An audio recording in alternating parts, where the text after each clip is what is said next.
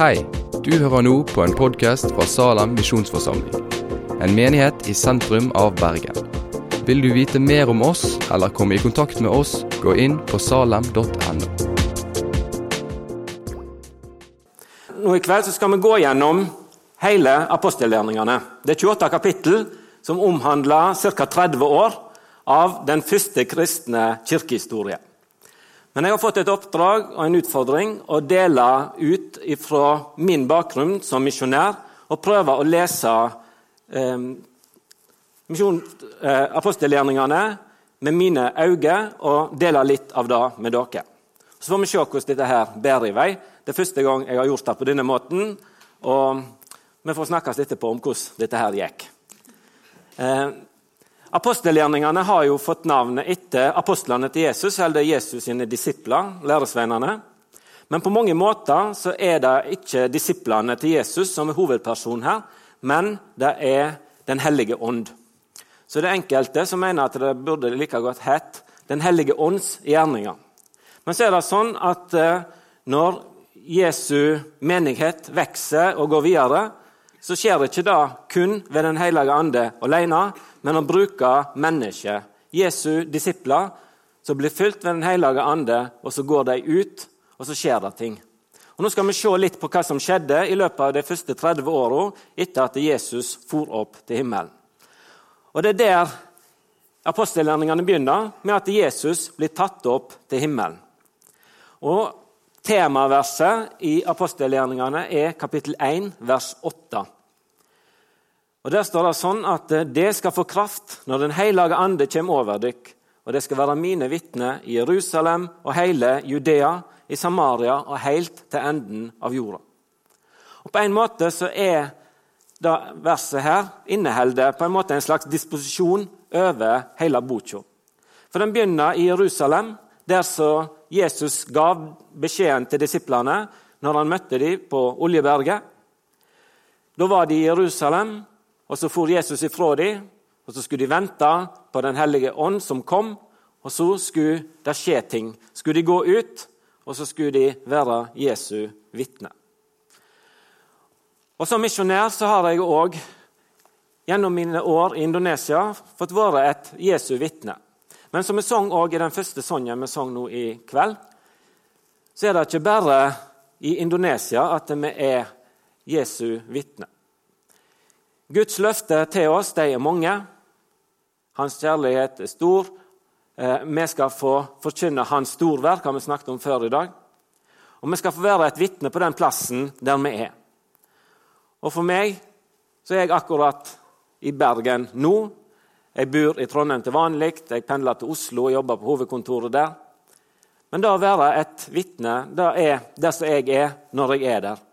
Og så kan Jesus og Den hellige ånd får bruke meg til å få være med og gjøre hans storverk, hans budskap, kjent for andre. Etter at Jesus for opp til himmelen, så var disiplene usikre på hva dette her innebar. De låste seg inne, de satt og venta, de var lydige mot den beskjeden Jesus hadde gitt dem. Men så kom Den hellige ånd på pinsedag, og livet til disiplene ble forvandla nok en gang. Livet deres hadde blitt forvandla når Jesus kalte dem til å følge han, til å bli hans disipler. Og så hadde de sikkert gjort seg sine tanker gjennom de tre år der de gikk sammen med Jesus. Men når Jesus forsvant ifra dem, så var det nok en del som opplevde at det her rakna ting. Men på pinsedag så ble de fylt av Den hellige ande. Og så de som rømte når Jesus ble tatt til fange, de som låste seg inne for de var redd for eh, de religiøse lederne, de fikk plutselig en voldsom frimodighet.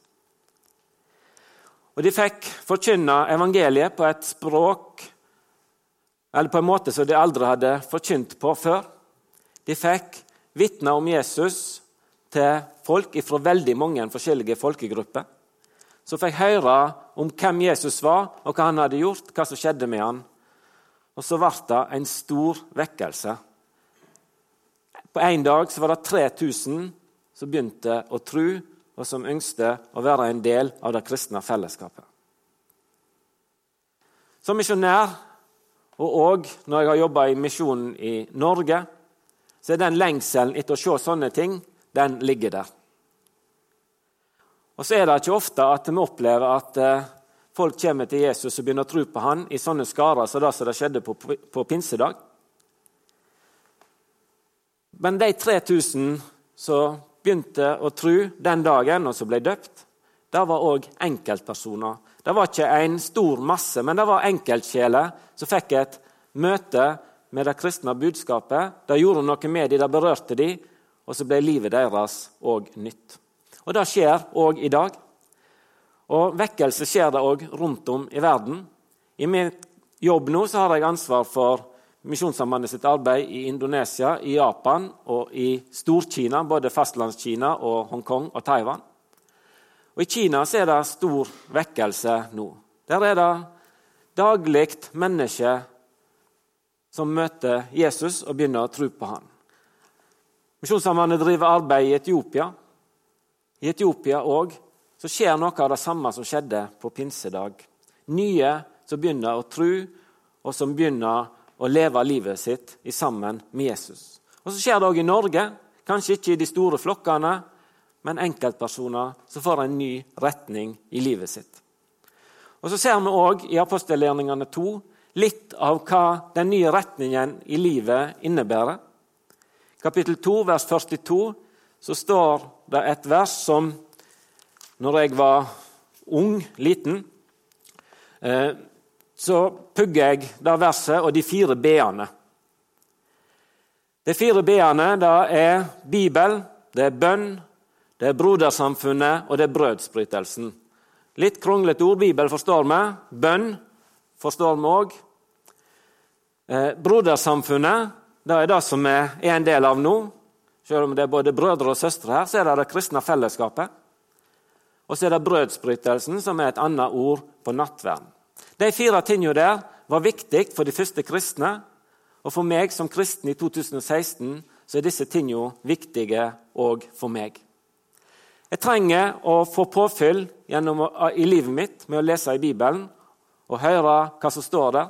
Bli minnet om de evige sanningene som vi finner her. Daglig så har jeg glede og nytte av å be.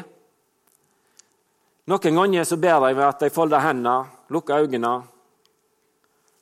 Men jeg kan òg be når jeg kjører bil, og da nytter det verken å folde hendene eller lukke øynene. Da går det gale.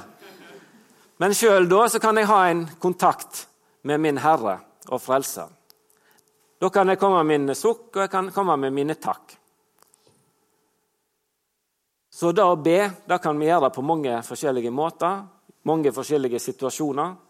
Men muligheten den er der hele tida. Det er òg en erfaring som jeg har gjort som eh, kristen, at vi er utrolig privilegert som kan be akkurat når vi vil, akkurat hvor vi er, og akkurat sånn som vi føler at det passer best. Som sagt så har jeg vært misjonær i Indonesia i en del år. Og Indonesia er det landet i verden der det er flest muslimer. Og for en muslim så er bønnelivet veldig regulert. Der er det De ber, skal helst be på en fast plass, de skal be i en fast retning. De skal be med de faste bønner og til faste tider. Fem ganger til dagen, fra før soloppgang og til solnedgang. Som kristen så er jeg utrolig privilegert som kan be uansett hvor jeg er, uansett når som helst, og uansett om jeg føler at jeg min, skal komme med mine akk, eller jeg skal komme med mine takk. Muligheten er der hele tida. Jeg er fascinert av den frimodighet som læresvennene til Jesus fikk etter at de ble fylt med Den hellige ande. Jeg er ikke så veldig frimodig, egentlig. Og jeg synes på en måte at Det er nesten enklere å stå her og snakke til så mange enn å snakke til én person om gangen. Sånn er vi forskjellige. Noen liker best å snakke til én, noen liker best å snakke til mange. Disiplene de fikk oppleve begge deler. Peter og Johannes de begynte å vitne, og de snakket til mange. Og mens de var på vei opp i tempelet for å be, så fikk de òg møte en enkeltperson.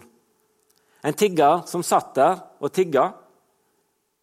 Han var lam, og han ba om en almisse. Peter og Johannes hadde ikke mye penger med seg. Det var enkle menn av folket. De var ikke vel bemidla. Men de kjente Jesus, og de kjente Jesu navn. Og så skjedde noe helt utrolig. Denne mannen som var lam, han fikk høre at han kunne stå opp og gå i Jesu Krist Nasareerens navn. Og så kom det krefter i de kreftesløse beina. Så kunne han sette bein under seg, noe som han ikke hadde gjort på aldri den tid. Det skjedde i Jesu navn. Jesu navn er utrolig kraftfullt. Og Det forandra denne tiggeren sitt liv helt, og det kan òg forandre mennesket i dag. Det er òg folk i dag som opplever under med helbredelse på lik måte som da denne tiggeren gjorde. Men så skjedde det at når denne mannen var blitt helbreda, så skulle en tro at eh, folk ble begeistra og folk ble glad. Men det skjedde ikke. Det var noen som syntes at dette her var feil. Eh, Peter og Johannes brukte anledningen til å vitne om hvem Jesus, han, eh, hvem Jesus var, hva han hadde gjort. Men folket som hørte på, ble sinte, og de religiøse lederne syntes òg dette her var problematisk. Og Peter og Johannes de ble fanga og de ble ført til den religiøse domstolen. og Der ble de forhørt, og de ble egentlig prøvd å bli tvinga til taushet. Men på nytt så fyller Den hellige ande de, og Peter han svarer. Det står i apostelgjerningene 4, fra vers 8. Rådsherrer og eldste i folket, når vi i dag blir forhørte for ei velgjerning mot en sjuk mann, og det spør hvordan han ble lekt, da skal det alle og hele israelsfolket vite dette. Når denne mannen står frisk framfor dykk, er det ved navnet til Jesus Kristus Nasarean, han som det krossfeste, men som Gud reiste opp fra de døde. Han er steinen som ble vraka av bygningsmenn, men som har blitt hjørnestein. Det er ikke frelse i noen annen, for under himmelen er det ikke gjeve noe annet navn som vi kan bli frelste ved. Her ser vi at det var ikke pga. Peter og Johannes sine egenskaper at denne mannen ble frisk. Nei, det var et under som skjedde ved Den hellige ande og gjennom Jesu navn. Og så sier de om denne Jesus at han er den eneste frelseren. Det er ikke frelse i noen annen, for under himmelen er det ikke gitt mennesket noe annet navn som vi kan bli frelst ved. Dette verset her er en av grunnene til at jeg yngste å bli misjonær når jeg var yngre. Det er ikke frelse i noen annen, sier dette verset her. Det er mange navn og vi som er her, har forskjellige navn.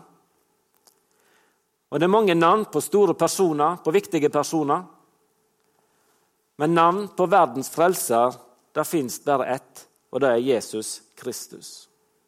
Det er ikke noen av de andre navn i hele verden som vi kan bli frelst ved.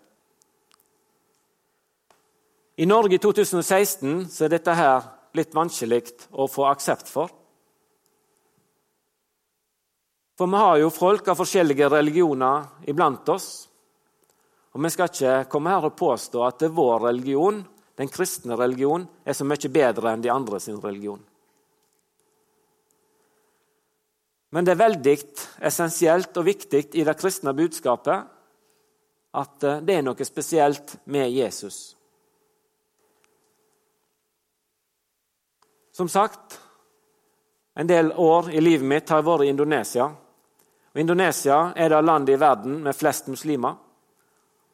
Rundt 80% av en befolkning på 250 millioner mennesker er muslimer. Det vil si at 200 millioner røftlig er muslimer. Likevel er det religionsfrihet i Indonesia. Vi vet jo at en del plasser der islam er majoritetsreligionen, så er det òg vanskelig for andre å praktisere en annen religion, annen tro. Men i Indonesia er det i teorien muligheter til å praktisere forskjellige religioner. Det er prinsipiell religionsfrihet. Og den indonesiske forfatning, grunnlov, statsforvaltning, den bygger på fem prinsipp. Og Det første av de fem prinsippene er trua på en høgste Gud. Det ligger i eh, bunnen for hele nasjonen sin forfatning. Og På skolen fra første klasse og til opp på universitetet så blir dette her forklart og reflektert over hvordan eh, en skal praktisere dette. her. Og Enten en er muslim, eller en er kristen, katolikk, hindu, buddhist eller konfusianer, så skal en kunne praktisere si tro. Men for en indoneser så er en òg opplært til at en skal leve i fred og harmoni med hverandre. Fred og fordragelighet. Religion er et vanlig samtaletema, og en samtale om religion den er mye mer åpen enn det det er her i Norge. Når en møter en ny person, så spør en først om familie, og så spør en om religion. Og Så går samtalen kanskje sånn her. Ja, hva, 'Jeg er kristen. Hva religion har du?' 'Ok, jeg er muslim.' Og Så sier den første 'Ok, ja, vi har forskjellig religion, men det viktigste er at vi prøver å gjøre så godt som vi kan.' Og så er det jo bare forskjellige veier til det samme målet. Sånn tenker mange i Indonesia, og kanskje tenker mange sånn her i Norge òg. Men Peter og Johannes de var veldig klar på at det er ikke sånn vi skal tenke. Det er kun én person som vi kan bli frelst ved. Det er Jesus og det han har gjort for oss. Det er det eneste som vi mennesker kan sette vår lit til. Og Så kan vi be, og så kan vi gi, og så kan vi være gode mennesker, men så er det ikke det det kommer an på. Det det kommer an på, er om vi tror på Jesus, han som er verdens frelser. Det er vanskelig å forstå i Indonesia, og det er vanskelig å forstå i Norge. Men det er den sannheten Bibelen ønsker å formidle til oss. Og Jesus han sa det jo òg sjøl. Han er veien, han er sannheten, han er livet. Og da bruker han bestemt form entall. Det er ikke én av mange veier, det er ikke én av mange sannheter. Han gir ikke én av mange typer liv, men han gir det i bestemt form. Og Så er det noen òg i Indonesia som tar konsekvensen av det og ønsker å leve som kristen, selv om det òg flere plasser i Indonesia betyr vansker å følge Jesus. For de vet at hvis de skifter religion, så kan de få en bedre jobb, de kan få et stipend osv. Men de ønsker likevel å holde fast på troa på Jesus og leve som kristen, for de vet at det på lang sikt så er det ikke noe annet alternativ. Og Da ser vi òg når vi leser videre i apostelgjerningene, at det å følge Jesus det kan koste. I apostelgjerningene kapittel 6 så møter vi en av de som ble kalt til diakoner, som heter Stefanus. Han var en gudfryktig mann. Han var en person som hadde en helt spesiell aura rundt seg. Folk som møtte han, eh, opplevde at denne personen gjorde et sterkt inntrykk på dem. Han var en kristen som tydelig levde som kristen, og som det strålte av. Men han ble òg, på samme måten som Peter og Johannes Han opplevde at det å følge Jesus ikke var enkelt. Og Stefanus han ble den første martyr. Han ble steina, står det i apostelgjerninga kapittel 7. Martyrer har det funnes opp gjennom kirkehistorien helt fram til i dag. Stefanus var den første, og årlig så er det mange mennesker som ofrer livet sitt pga. at de føler Jesus. To av de første misjonærene som kom til Sumatra i Indonesia, det var to amerikanere som het Munson og Lyman. De kom på, eh, midt, eh, rundt 1830. og De fikk ikke mange ukene i Indonesia før de ble drept. Og de ble, av et kannibalistisk folk så ble de solgt på markedet. Sånn går historien. På den, plassen, den markedsplassen der han regna med at, ble, at kjøtet av disse misjonærene ble eh, delt ut, så er det nå reist et minnesmerke som har et sitat av en av kirkefedrene våre, Tertulian, som levde fra 160 til 220 etter Kristus. Og Der står det 'Martyrenes blod er kirkens sæd'. Opp gjennom kirkehistorien så er det mange som har måttet ha gitt livet sitt for at de fulgte Jesus. Og Det skjer i forskjellige deler av verden. Nå rundt påske så var jeg en tur til Japan. Der var jeg på, og, og så et minnesmerke over noen som var martyrer i Japan. 52 personer som ble drept i nærheten av Kyoto på 1600-tallet. Kina er òg et land der folk har blitt fengsla. Noen sitter fremdeles i fengsel i Kina, selv om ting er litt lettere der. Men for mange så koster det å leve sammen med Jesus. Og Så blir det fortalt om noen av de som blir fengsla, at selv om de blir fengsla, så slutter de ikke å fortelle om hvorfor de er fengsla, og hvem de tror på. Og Så blir det fortalt om en som at eh, han begynte å vitne i fengselet. og Det gikk jo ikke an å ha han der, for han vitna og folk ble kristne rundt han. Så tok fengselsmyndighetene og så overførte han til et annet fengsel, for han kunne jo ikke ha han der. Men det samme skjedde jo i det nye fengselet. Han begynte å vitne der òg. Og sånn fortsatte de, så han var innom i flere fengsel og fikk grunnlagt menigheter eller celler av kristne. Det er ikke lett å ta knekken på den kristne kirka. Det er mange som prøver seg, men forfølgelse er ikke en måte å gjøre det på. Men vi ser også i apostelgjerningene at en annen måte som kanskje er mer risikabel for den kristne kirka, det er materialismen og trangen etter penger. Det står en fortelling om Ananias og Safira, som lurer til seg ting som de egentlig ikke skulle hatt. Og Da ødelegger gudslivet deres, og det preger den kristne menighet. Men forfølgelse det er ikke farlig på samme måten som materialismen og pengekjærhet er. Og Vi ser at etter at Stefanus ble drept, så ble det en forfølgelse i Jerusalem. Og Da skjedde at de kristne ble spredt rundt. Og En av de, en av kollegaene som diakon eh, for en av kollegaene til Stefanus, som også var diakon, nemlig Philip, han kommer til Samaria, ganske langt nord i Israel. Og Når han kommer der, så blir det vekkelse, Det kan vi lese om i apostelgjerningen 8. Og folk begynner å tro. Men midt i den vekkelsen så er jo Philip sannsynligvis begeistra for at det skjer, at det stadig nye strømmer til. Men så får han Den hellige ande på øra og får en beskjed om at nå skal du reise fra vekkelsen her.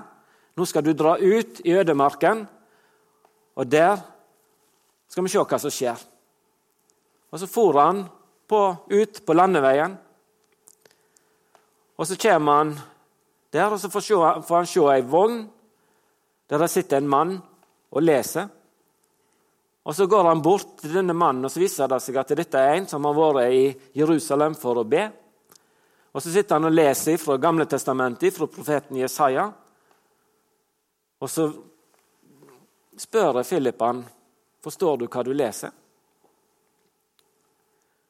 Og så forstår jeg ikke denne hoffmannen som det viser seg han er. Han er en, en av tjenestefolket, eller en av lederne som har ansvar for skattkammeret til dronninga av Etiopia, Kandake.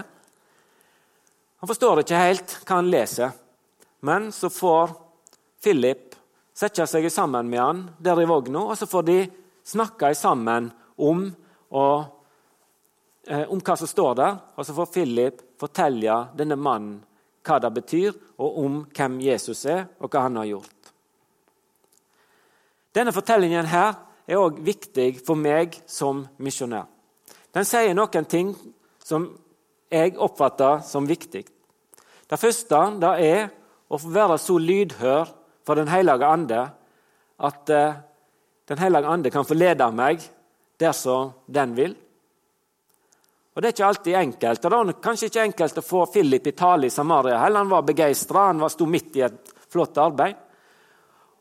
Og Om han fikk en beskjed på øret, eller hvordan han oppfatta det, i alle fall, så førte det til at han måtte forandre kurs i livet sitt til en ny plass. Og Så fikk han være en medvandrer. Det er jo et begrep som i løpet av dagen her har blitt nevnt noen ganger. Å få gå i sammen med noen, å få dele tru i sammen, og få hjelpe hverandre på veien, for å bruke et sånt begrep. Philip han var så nær denne etioperen at han klarte å sense hva som var problemet i hans liv. Og han fikk forklare evangeliet, det gode budskapet, inn i etioperen sitt liv. Og så hadde han òg samtidig så stor kunnskap at han visste hva han skulle si. Og Det tenker jeg også er viktig for oss som lever som kristne i 2016. For det første er det viktig at vi er så nære hverandre i våre liv at vi klarer å sense hva som er utfordringene. Men så er det òg viktig at vi vet hva vi skal si inn i møte med de utfordringene som er der. Og Det har vi òg Den hellige ande til hjelp, men det er likevel flott å ha litt kunnskap, sånn at uh, Den hellige ande får noe å jobbe med. Det kan jo skje store under, men vi trenger ikke tvinger Den hellige ande til å gjøre større under enn en må. Gjennom den utrustning som Philip hadde, så fikk han bli brukt. og Han fikk møte denne etiopieren. Og Det er faktisk de som mener at eh, den koptiske kirka i Etiopia helt opp til vår tid kan spores tilbake igjen til dette møtet som Philip og Hoffmann hadde ute på landeveien. Han reiste tilbake igjen og så etter tradisjonen så var han med å grunnla den koptiske kirka i Etiopia. Den hellige ande gjør under. Menneskeliv blir forvandla. Og En av de som fikk være med og se at mange mennesker ble forvandla, det er han som står veldig mye skrevet om fra kapittel 9 og ut apostelgjerningene. Det er Paulus. Han er den største misjonæren som verden noen gang har sett. Og Tida den går, og det er mange ting en kan si om Paulus, men jeg vil si noen ting. Han hadde en radikal omvendelse. Han var sjøl en som forfulgte de kristne, men Jesus møtte han utenfor Damaskus, og livet til Paulus ble totalt forvandla. Det sier meg at det er ingen som Gud ikke kan få tak i. Paulus var på en måte erketypen av en som sto imot de kristne, men nettopp han ble brukt. Han ble møtt. Jesus forandra livet hans, og han fikk eh, nå ut til mange med evangeliet.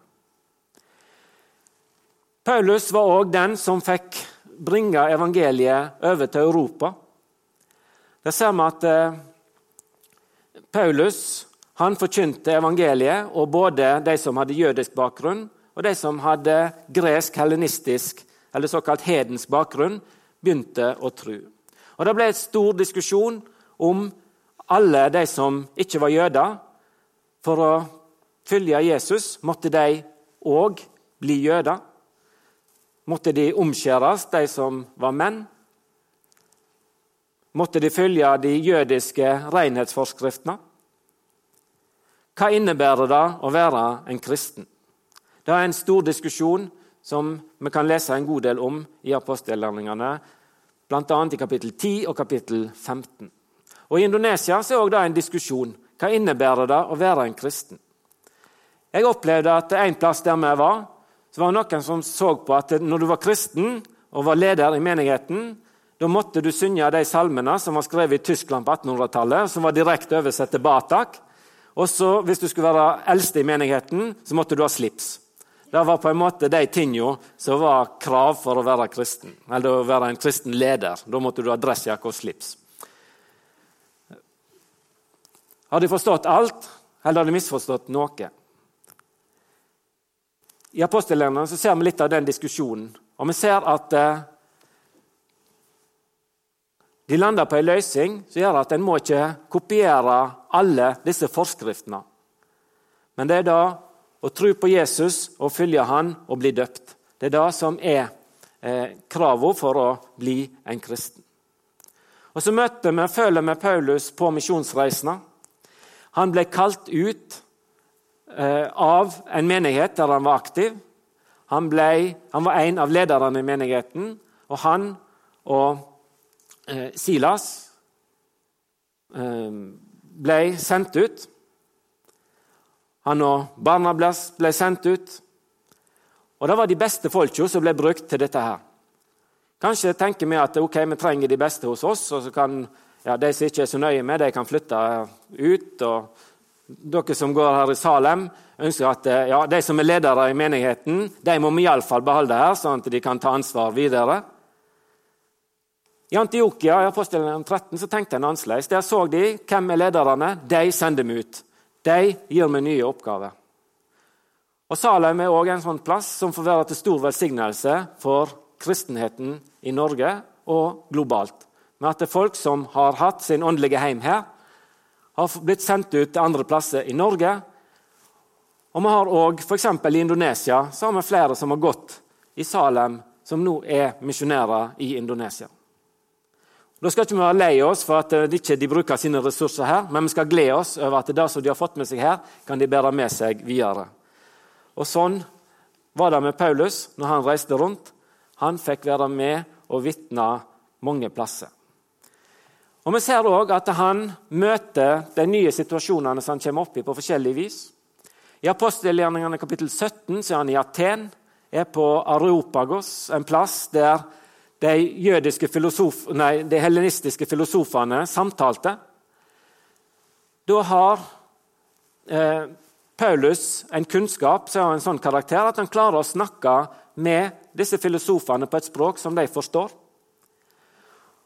Også I andre taler som vi har referert ifra han, så snakker han på en annen måte når han snakker til jøder. Da bruker han begrep som de forstår. Og Det å klare å se hvem en snakker til, og tilpasse budskapet, ikke innholdet, men måten en formidler det på, det er kjempeviktig. Og Så er det en utfordring òg, sånn som jeg står framfor dere. Jeg kjenner ikke dere, jeg må bare ta en sjanse og håpe at eh, noe av det som jeg sier, treffer dere. Og Enda mer, verre er det når jeg er i Indonesia og skal snakke med en indoneser som jeg ikke kjenner i det hele, og forstår enda mindre av kulturen til, osv. Men Den hellige ande kan òg gi visdom og hjelp i de situasjonene. Det ser vi at Paulus opplevde. Og Vi ser også at Når Paulus skal fortelle om hva han tror på, så er hans personlige erfaring av møtet med Jesus veldig, veldig viktig. Han forteller flere ganger i løpet av apostelgjerningene om den episoden som skjedde utenfor Damaskus, som er referert i apostelgjerninga kapittel 9.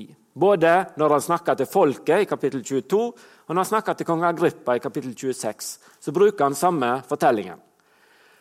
Og da sier meg også at Når vi skal fortelle noe og dele om den kristne troa, så er det å ha en personlig preg og erfaring som en òg tar med, det er ikke en ulempe. Den personlige erfaring den kan ingen ta ifra deg.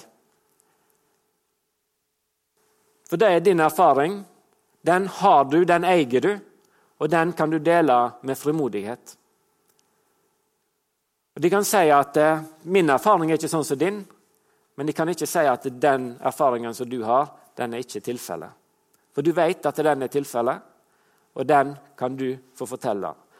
Og Det er utrolig det som skjedde med Paulus. Han ble blind av et sterkt lys. Han ble blind, kunne ikke se, og så ble han seende igjen etter en stund. Det er egentlig helt utrolig. Og det er tydelig at den erfaringen den betydde masse for ham det personlige vitnesbyrdet.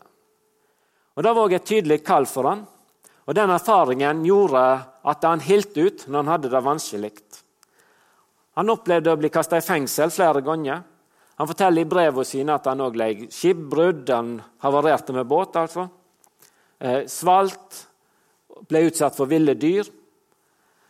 En skjebne som jeg i min eh, misjonærtjeneste ikke har opplevd, heldigvis, noe lignende av. Har sluppet billig unna sammenlignet med Paulus. Men midt i alle utfordringene så hilt kallet til Paulus han levende og gav han frimodighet til å gå videre. Og Så avslutta apostelgjerningene med kapittel 28. Og Der står det egentlig ikke noe spesielt slutt. Boka bare ebba ut Men å forteller at Paulus han bodde to fulle år i et hus han hadde lekt. Han tok imot alle som kom til han, og med stort frimod og uten hindring forkynte han Guds rike og lærte om Herren Jesus Kristus. Hadde dette vært en skikkelig thrillerforfatter som hadde skrevet, så hadde han vært opptatt av hvordan Paulus avslutta. Her står han framfor en rettssak. Vi vet ikke hvordan rettssaken enda.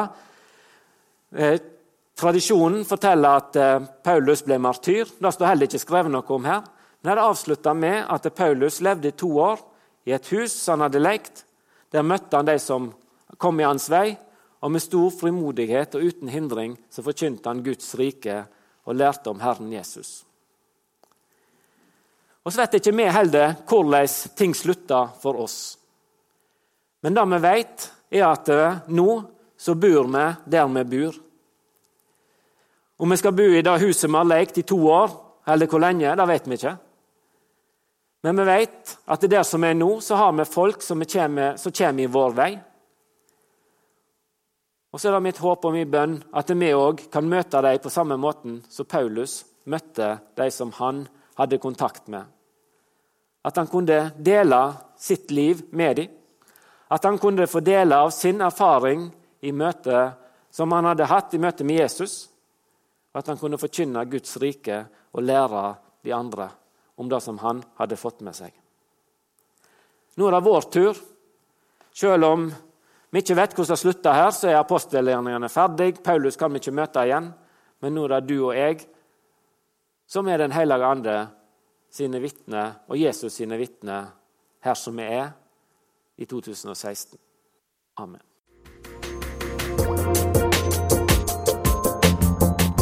Takk for at du har hørt på podkasten fra Salem, Bergen. I Salem vil vi vokse i et stadig dypere fellesskap med Gud og med hverandre. Vi vil være Jesu hender og føtter, og vi vil være med å forkynne frelse for Bergen og resten av verden. Besøk oss gjerne på salem.no om du vil vite mer.